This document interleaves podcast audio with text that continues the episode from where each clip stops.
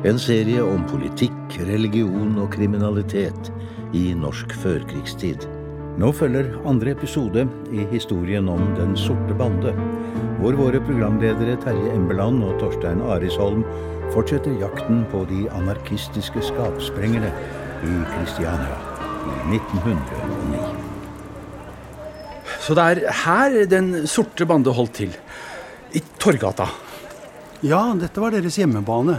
Det er her man kunne treffe dem. I den bygningen der borte, faktisk. Den, den på hjørnet der? Ja, akkurat der i Torgata, 17B. Det var der de unge sosialdemokratene og andre radikaler holdt til. Og også Den sorte bande. I hvert fall før de brøt ut og dannet sitt eget forbund. Og nå ligger det en Starbucks-kafé i bygningen. Ja, Dette strøket er jo nå blitt temmelig fancy, men, men i 1909 var det jo ganske annerledes.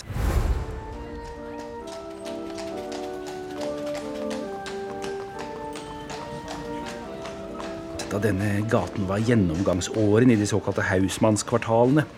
Et område som jo hadde et ganske lugubert preg den gangen. Vel, på dagen er det ikke så ille her. Når gatene er fulle av mennesker. Nei, eh, alle kundene i de mange små butikkene i strøket her, og, som blir kalt Tiøresbasaren, og småverkstedene i bakgården. og Så alle arbeiderne her da, som, som vandrer til og fra fabrikkene langs Akerselva. Men utpå kvelden, når det stilner, da blir gatebildet mye mørkere og dystrere. Da dukker nemlig de prostituerte jentene opp. De som selger kroppen sin for å betale for de skitne små rommene de leier i sidegatene. Men som slett ikke er fine nok til å kapre velbeslåtte herremenn i Studenterlunden og på Karl Johan. Det er dem Den sorte bande er ute etter. Ikke for å kjøpe deres tjenester, vel? Nei, slett ikke. De tror på kameratekteskap og likestilling mellom kjønnene. Og disse jentene er det de kaller uskyldig proletariske ofre for en urettferdig samfunnsorden. Derfor vil de rett og slett redde jentene fra denne trafikken ved å ta dem under det de kalte agitatorisk behandling, eh, og gjøre dem til frigjorte og revolusjonære sosialister. De, de driver altså sin egen form for gatemisjon, kan du si. Det høres jo ganske naivt ut. Jo, kanskje, men noen av jentene eh, blir faktisk med dem. Og så tar de dem med opp på lokalene der borte for å gi dem eh, en eh, slik agitatorisk behandling. Ja, der også, men som regel bærer av sted til Stamkafeen. Og den ligger hvor? Ja, da må vi forlate Torgata her og gå oppover denne veien langs den langt mer skumle Bernt Ankers gate. Her er det ikke mye trivelig, nei. Bare skittengrå leiekaserner og mørke og stinkende portrom. Ja, men se der fremme. Se, se ser du lysene fra kjellerlokalet der? Det er Kafé Kringen. Tilholdsstedet for alskens byoriginaler og revolusjonsapostler. Det er her anarkistene Esperanto Thomsen og Type-Nilsen holder sine improviserte branntaler. Og det er også her vi kan høre Jumbo, norgesmesteren i visediktning, fremføre sine nyskrevne skillingsviser. Og her holder altså Den sorte bande også til. Ja, nettopp. Så la oss gå inn.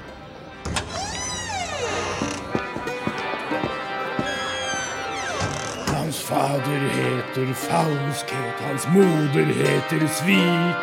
De avlede til sammen et levende lik. Hans blod er kloakkvann, hans hjerne er av slam.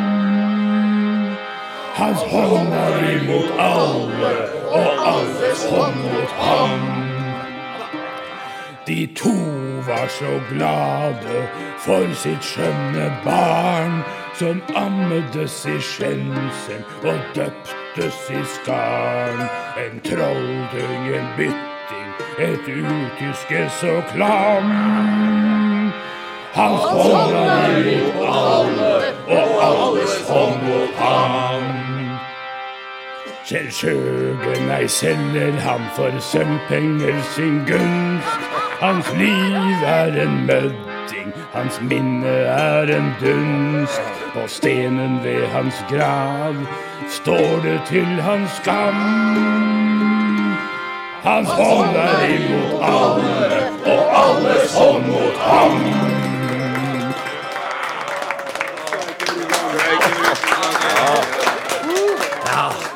Sånt avskum trenger seg en skikkelig støkk i livet. Det var jommen fint at du og Hilmar fyrte av den bomba på kaia, Georg. Ja, det smalt jo noe så for jævlig. Enda det bare var en brusflaske med litt eh, svartkrutt. Ja, så du åssen politihesta skjena helt ut? De sprang på kryss og tvers, og konstablene var helt ville og vifta med sablene, og, og de jævla streikebryterne, de fikk seg sannelig travelt, de, og de Demp dere nå! Her har Vegga fått ører. Og det kan vi takke deg for, Georg. Hva mener du? Én ting er det dere gjorde på kaia, men du og Hilmar kunne godt ha spart dere den ladningen utafor justisbygningen etterpå. For det, Henrik? Vi sprengte jo bare døra, og det var Det spiller ingen rolle. Skjønner ikke at nå har Mosin og hele politikorpset bare fått blod på tann.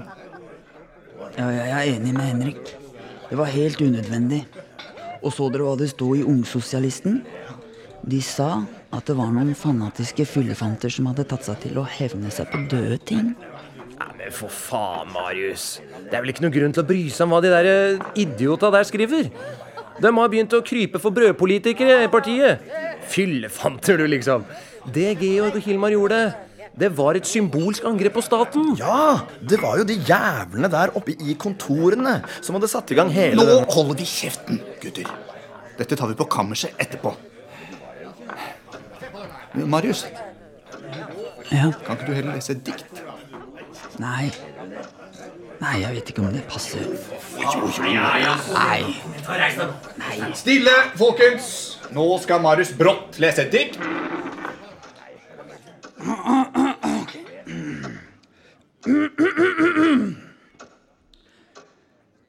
La presten til helvet oss mane. La gå fra himmelen utstøtt. Vi følger vår vaiende fane.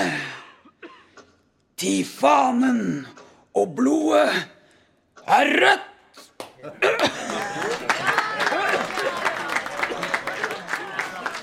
Ja, dette var jo litt av en anarkistbule. Ja, men la du merke til de to karene som satt ved bordet innerst i lokalet? Eh, De som ikke var med på allsangen. Ja, og det var kanskje ikke så rart. Eh, De kom fra Møllergata 19.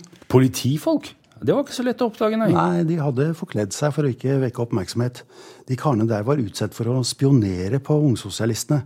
Eh, Og i lang tid hadde betjenter så å si fotfulgt eh, dem overalt.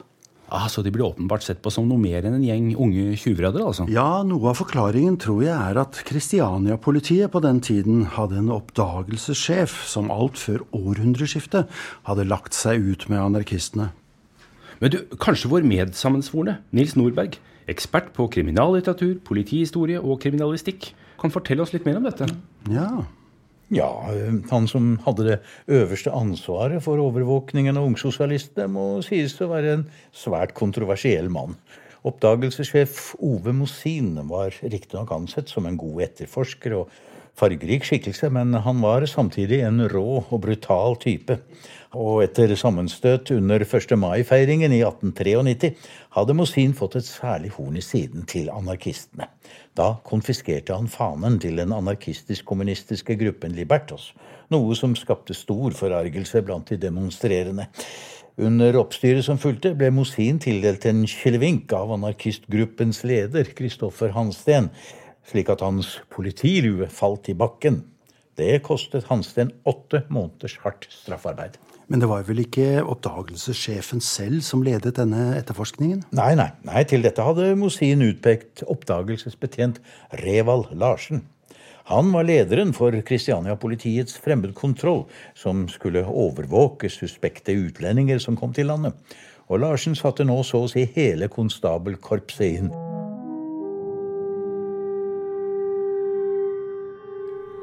Politiets etterforskning av Den sorte bande var noe langt mer enn en vanlig forbryterjakt. Det var ledd i en systematisk politisk overvåkning av ungsosialistene, som hadde begynt allerede i 1906. Etter dette kunne de ikke holde ett eneste offentlig møte uten at det satt noen oppdagelsesbetjenter i salen og stenograferte alt som ble sagt. Og hørte de noe som kunne tenkes å bryte loven, ble gjerningsmennene tauet inn til Møllergata 19 til forhør. Ikke sjelden førte det til fengselsstraffer. Det virker som en eh, voldsom overreaksjon, denne massive innsatsen fra politiets side. Altså, Vi har hørt at ungsosialistene var motstandere av militærvesenet og tilhengere av kvinnefrigjøring. og Riktignok agiterte de for revolusjon gjennom generalstreik, men selv det var vel ikke kriminelt i 1909? Nei, og deres andre kampsaker virker i dag nokså uskyldige. La du f.eks. merke til at de ikke serverte øl på Kringen? Ja, det var litt merkelig for en, eh, den type bule. Ja, Kringen var en avholdskafé, skjønner du. Og Den sorte bande var avholdsfolk. Mm. De mente nemlig at rusdrikken sløvet arbeiderklassen like mye som religionen. Og skal man dømme etter diktet til Marius Brått, så var de vel ikke så begeistret for eh, presteskap og kirke, nei. Nei, når det gjaldt kristendomskritikk og fritenkeri, så var de pionerer. Kristendommen mente de holdt folk i åndelig slaveri og hindret opplysning, sosialt fremskritt og arbeiderklassens frigjøring. Dette året, altså 1909, startet Den sorte bande derfor Norges første fritenkerforening og utga bladet Frie tanker, med Henrik Østby som redaktør. Og en av de mest aktive i den foreningen var typografen Hans Torvald Thomsen. Ja, Det var han som ble kalt Esperanto-Thomsen. Ja, og det sier vel litt om idealismen som preget dette miljøet, at utbredelsen av det kunstige verdensspråket esperanto var en så viktig kampsak for dem. Ja, ja, hvis alle snakket samme språk, ville folk bli venner og alle kriger opphøre. Ja, i dag virker jo alt dette temmelig uskyldig. Men på den tiden var politiet grepet av anarkistpanikk, og den hadde vart en god stund. Ikke bare Mosin, men også hans høyre hånd Reval Larsen hadde tidligere jaktet på anarkister. Nærmere bestemt utenlandske anarkister som han trodde ville drepe keiser Wilhelm under hans sommerbesøk i vestlandsfjordene. Han eh, hadde også rykket ut, av Larsen altså, da det gikk rykter om at anarkister ville sprenge Nidarosdomen i luften under kong Haakons signingsseremoni. Begge deler viste seg selvsagt å være de reneste skrekkfantasier. Ja, det hersket nesten hysterisk redsel for anarkister på den tiden, og ikke bare i politiet. Nei, vi kan jo høre hva Øvre Richter Frikk, mannen bak spenningsromanene om den norske lege Jonas Fjell, skriver om dem i 1913. Den moderne anarkismen er, når alt kommer til alt, en hjernesykdom som er farligere enn meningitt og poliomyelitt. Det er stormannsgalskapens siste idé. Og det verste er at den er smittsom.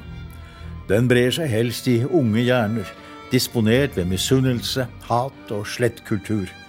Tro meg, en dag finner man sabotasjens og anarkismens basiller som obligate parasitter i hjernenes kontrollerende sentra.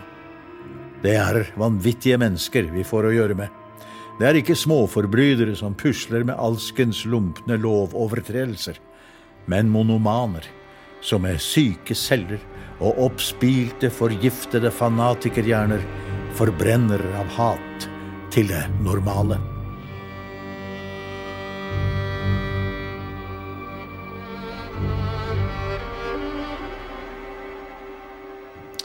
Temmelig overspent, eh, må jeg si. Ja da, han eh, sparte ikke på ordene, den godeste Frikk.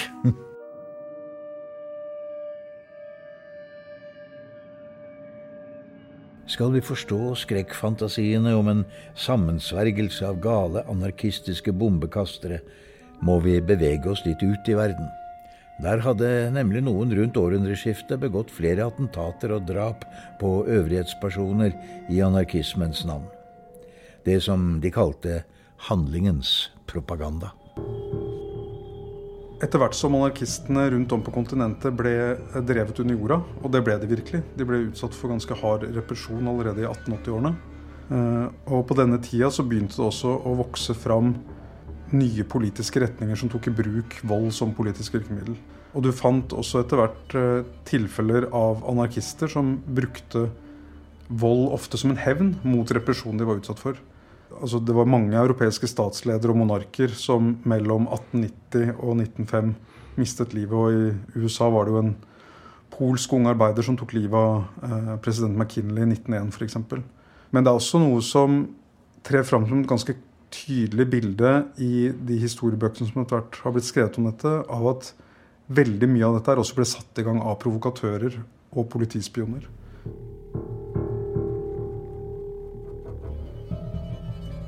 Det var et virkelig sånn labyrintisk nett som snøra seg rundt en del av disse miljøene. Og i de mer etablerte anarkistiske kretsene, hvor du hadde kjente intellektuelle som eh, Kropotkin, Emma Goldman og andre, som både skrev og agiterte mye, gikk jo i begynnelsen ganske langt i å på en måte noen vil kanskje kalle det å bortforklare disse hendelsene. De sa at dette skyldes nød, det skyldes fattigdom, det skyldes politisk undertrykking. Men mange innså etter hvert at det fantes eksempler i den anarkistiske propagandaen på ikke bare å forklare eller kanskje bortforklare disse hendelsene, men også forherlige dem. Veldig mange av de som gjorde dette, her var jo for øvrig ikke organisert i noen som helst anarkistgruppe. Eh, heller ikke noen ungsosialistiske grupper, men eh, var ofte litt sånne ensomme ulver som hadde kanskje vært på et foredrag med Emma Goldman, da, som han eh, drapsmannen til McKinley. Blitt veldig oppildnet av det han hørte om undertrykkelse og om overklassen og urettferdigheten. Og så handlet på en slags impuls.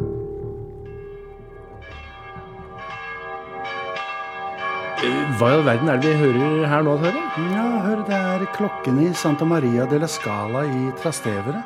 I Roma? altså Kirkeklokker i Roma, hva, det, hva har det med fortellingen vår å gjøre? Ja, Det tenkte jeg kunne forflytte oss til denne byen og til året 1898.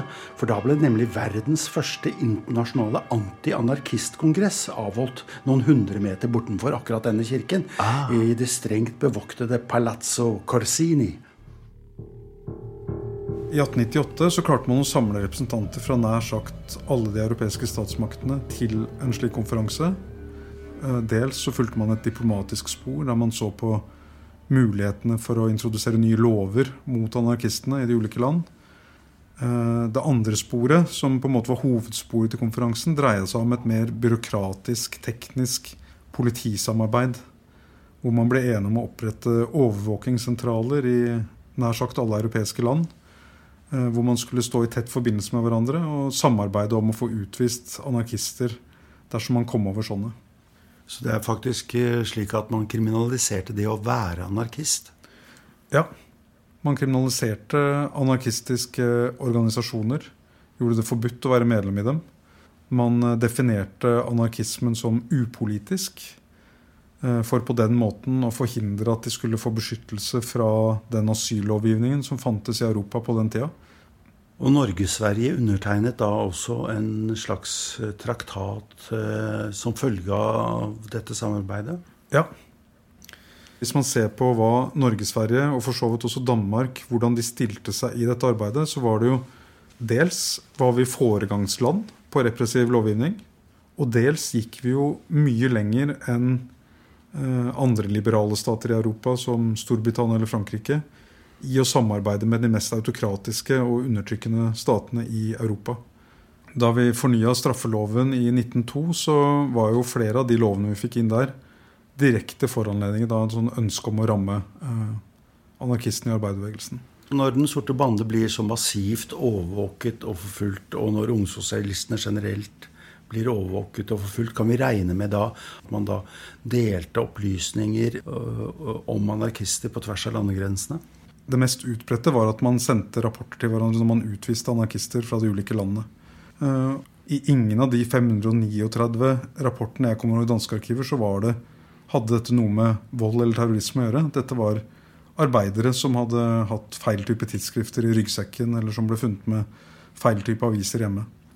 Eh, hvis man i hvert fall ser på en del av de kildene jeg så på, så virker det som man hadde en helt klar interesse av å overdrive og noen ganger også dikte opp hendelser og trusselbilder. Slik startet altså den første internasjonale krigen mot terror, over 100 år før den 11. september 2001. Og med et norsk politivesen skikkelig fyrt opp av dramatiske rapporter fra utlandet om en internasjonal anarkistkonspirasjon som var i ferd med å kaste verden ut i kaos, varte det ikke lenge før også våre hjemlige anarkister i Den sorte bande ble pågrepet.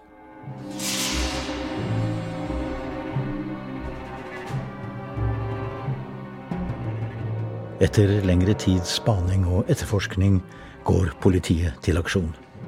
De anser Henrik Østbys lillebrødre Carl og Sigurd som hovedmenn i Den sorte bande. Men som leder utpeker de Georg Valdemar Julin, og hans merittliste er spesielt lang.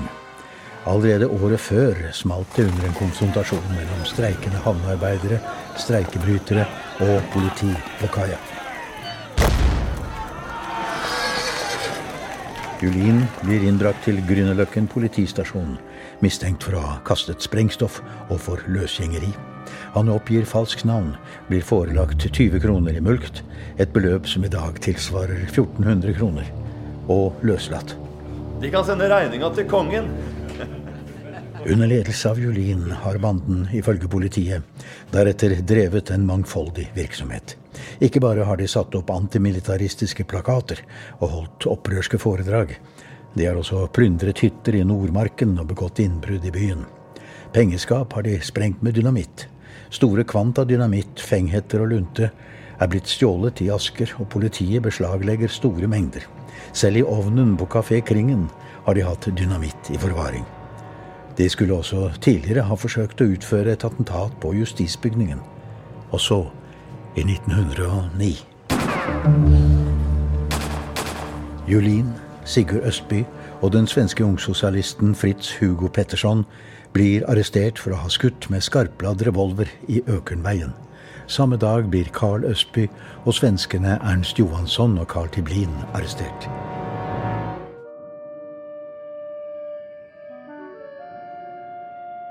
I begynnelsen av oktober 1909 kom medlemmene av Den sorte bande for forhørsretten. Her la Julin kortene på bordet og tilsto å ha medvirket i et dusin større og mindre tyverier og innbrudd, deriblant innbruddet på Lysaker kjemiske fabrikk. Under forhørene trakk han også Henrik Østby med i forbrytelsene. Retten dømte Georg Julin til tre års fengsel. De øvrige til straffer på fra ett år til 21 dagers fengsel. Og for svenskenes del deportering ut av landet etter endt soning. Julin vedtok dommen, men Henrik Østby nektet derimot all skyld, og i desember 1909 gikk hans sak videre til lagmannsretten. Henrik Østby, Hvorledes forholder De dem til tiltalen? Jeg anerkjenner ikke denne rettssaken. Dette er jo klassejustis. Det er bare et eksempel på åssen politiet forfølger oss ungsosialister og bruker loven til å kneble oss. Men eh, de kan vel fortelle retten om de erklærer dem skyldig efter tiltalen eller ikke? Ikke skyldig. Men jeg har ikke noen mulighet for å bevise min uskyld. Jeg har sittet på botsen, jeg. Helt avskåret fra omverdenen. Mens politi det må kunne bruke alle krefter på å fabrikkere beviset mot meg. Ærede rett. Stillhet. Jeg må også minne om at det tiltalte her kaller fabrikasjoner, bl.a. bygget på utsagn fra herr Østbys medsammensvorne. Men herr statsadvokaten, nå hersker det jo noen uklarhet omkring nettopp dette, forstår jeg? Ja, det vil jeg komme inn på i min utspørring. Ja vel. Altså kaller retten inn første vitne. Georg Valdemar Julin.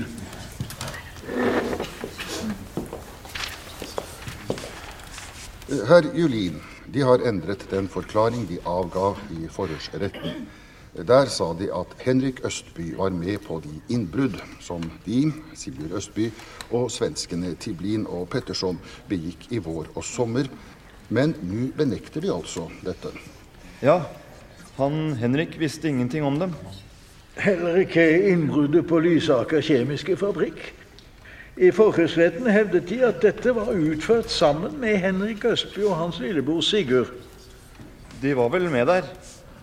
Det var dem. Men de sto bare utenfor og venta. Og Henrik visste ikke noe om alle de andre greiene. Eh, nå så. Heller ikke innbruddet hos Skredderforbundet i Folkets hus. Nei. Så dere hadde ingen betenkeligheter med å stjele fra en fagforeningskasse, da? Eh, Fra deres egne kamerater? Vi tok bare det som Skredderforbundet skulle gitt i valgagitasjon. Det var jo bedre vi fikk dem penga, enn at de skulle gå til å skaffe en stortingsmann tolv kroner da. Så Henrik Østby visste hvor pengene kom fra, da? Nei, ikke sånn direkte. Vi hinta bare litt om det da vi satt på Kringen. Men uh, Julin, hvis tiltalte er så uskyldig som de nå vil ha det til, hvorfor sa de noe annet i deres første forklaring? Jeg var litt sinna på han, og så Og så trua han Larsen meg til det. Sikter De til Reval Larsen ved oppdagelsespolitiet? Det var Reval Larsen som fikk meg til det. Han sa at det var bedre å tilstå enn å bli sittende i tre år for løsgjengeri.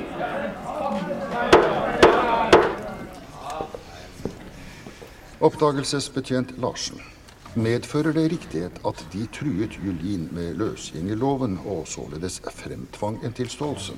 Nei, overhodet ikke. Den fremkom helt frivillig. Og den viste seg å være i overensstemmelse med det etterforskningen senere avdekket. Så løsgjengerloven ble overhodet ikke nevnt?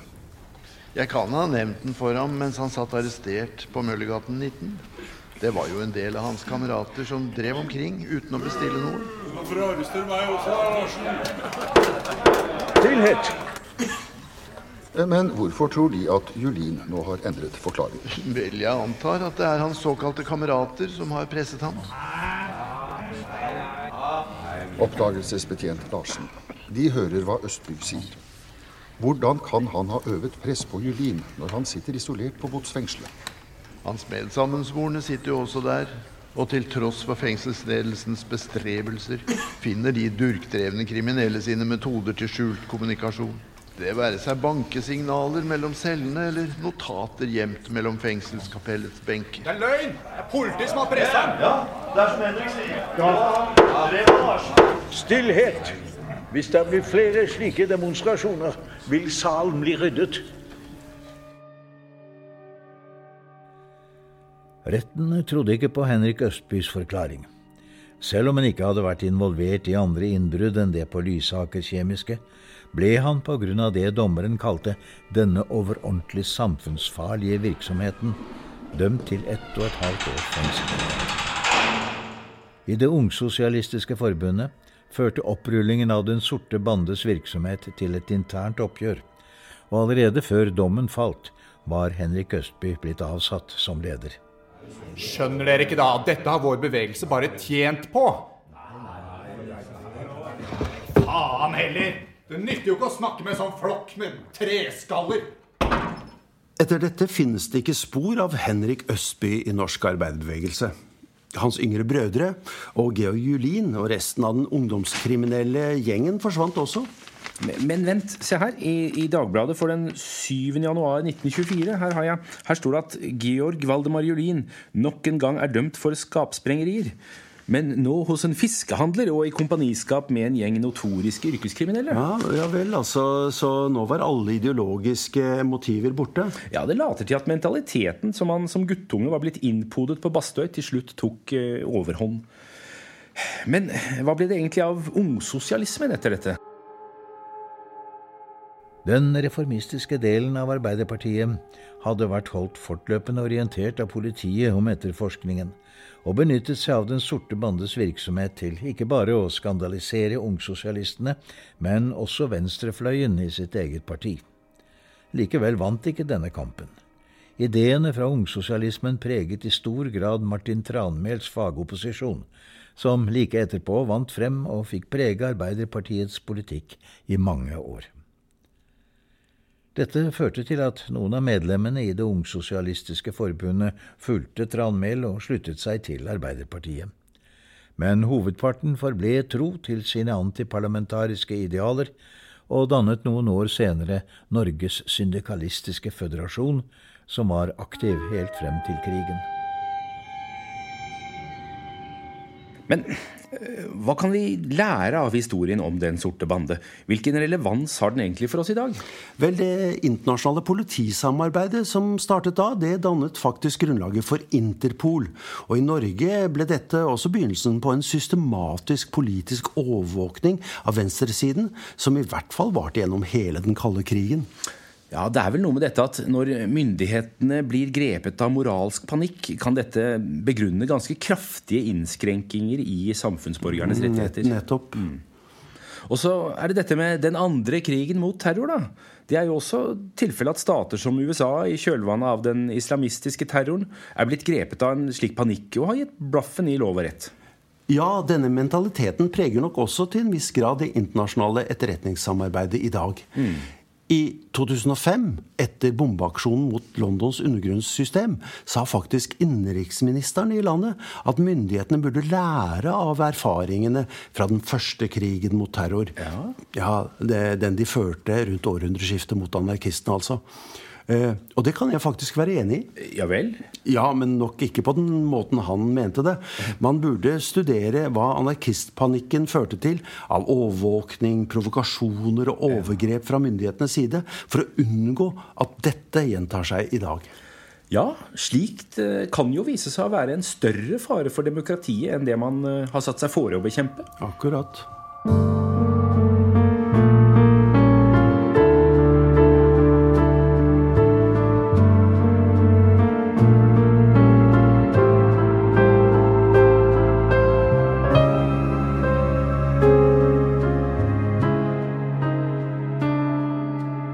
Lyttet til Nervøse tider, en serie om politikk, religion og kriminalitet i norsk førkrigstid, og andre og siste episode i historien om Den sorte bande. Programledere og historiefaglige ansvarlige var Terje Embeland og Torstein Arisholm. Tekniker og produsent var Roy Knutsen. Musikken var ved Åsmund Feidje og Svarte Svingene. Du har ellers hørt historiker Jonas Bals og stemmene til skuespillerne Benjamin Lønne Røsler, Andreas Vedvik, Sigmund Fossli Lillefjære, Carl Philip Amundsen Stav og Jon Husø.